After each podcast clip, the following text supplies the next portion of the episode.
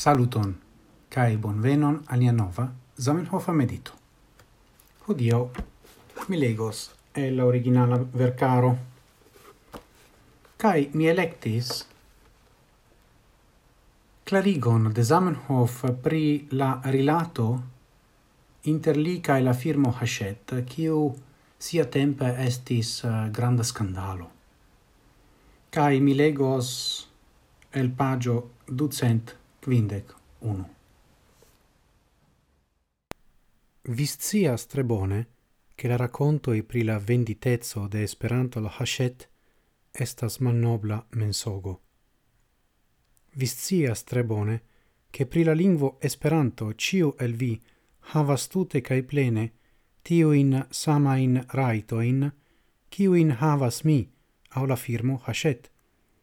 Vi conas tre bone la misteran contracton, char mi neniam faris el gi ian secreton.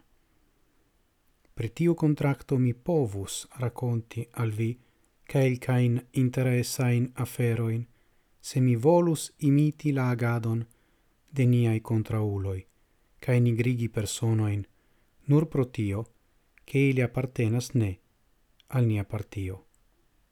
Nun mi nur ripeto salvition, kion ciui scias, tio estas, la tute terura, mistera cae crima contracto, consistas sole cae exclusive nur en tio, che in libro in ne gazeta in articolo in au ion similan, sed exclusive nur libro in mi promesis publicigi ciam per la firmo Hachette.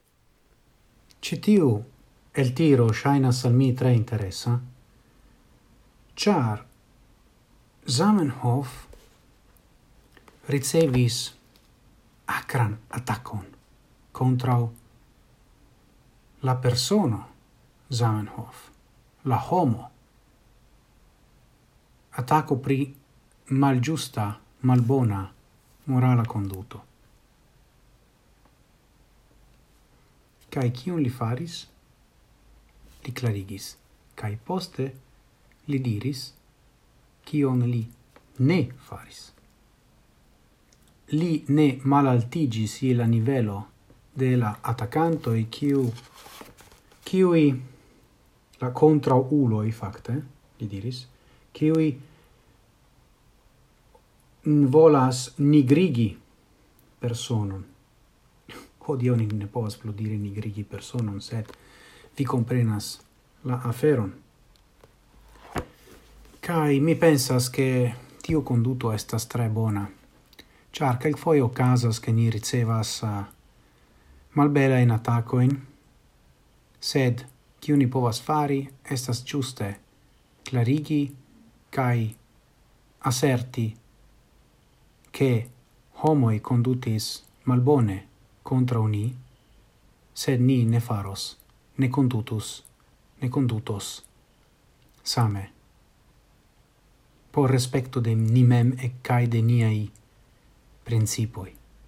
Cae tio, mi pensas, esas tre grava en citiu covima mondo.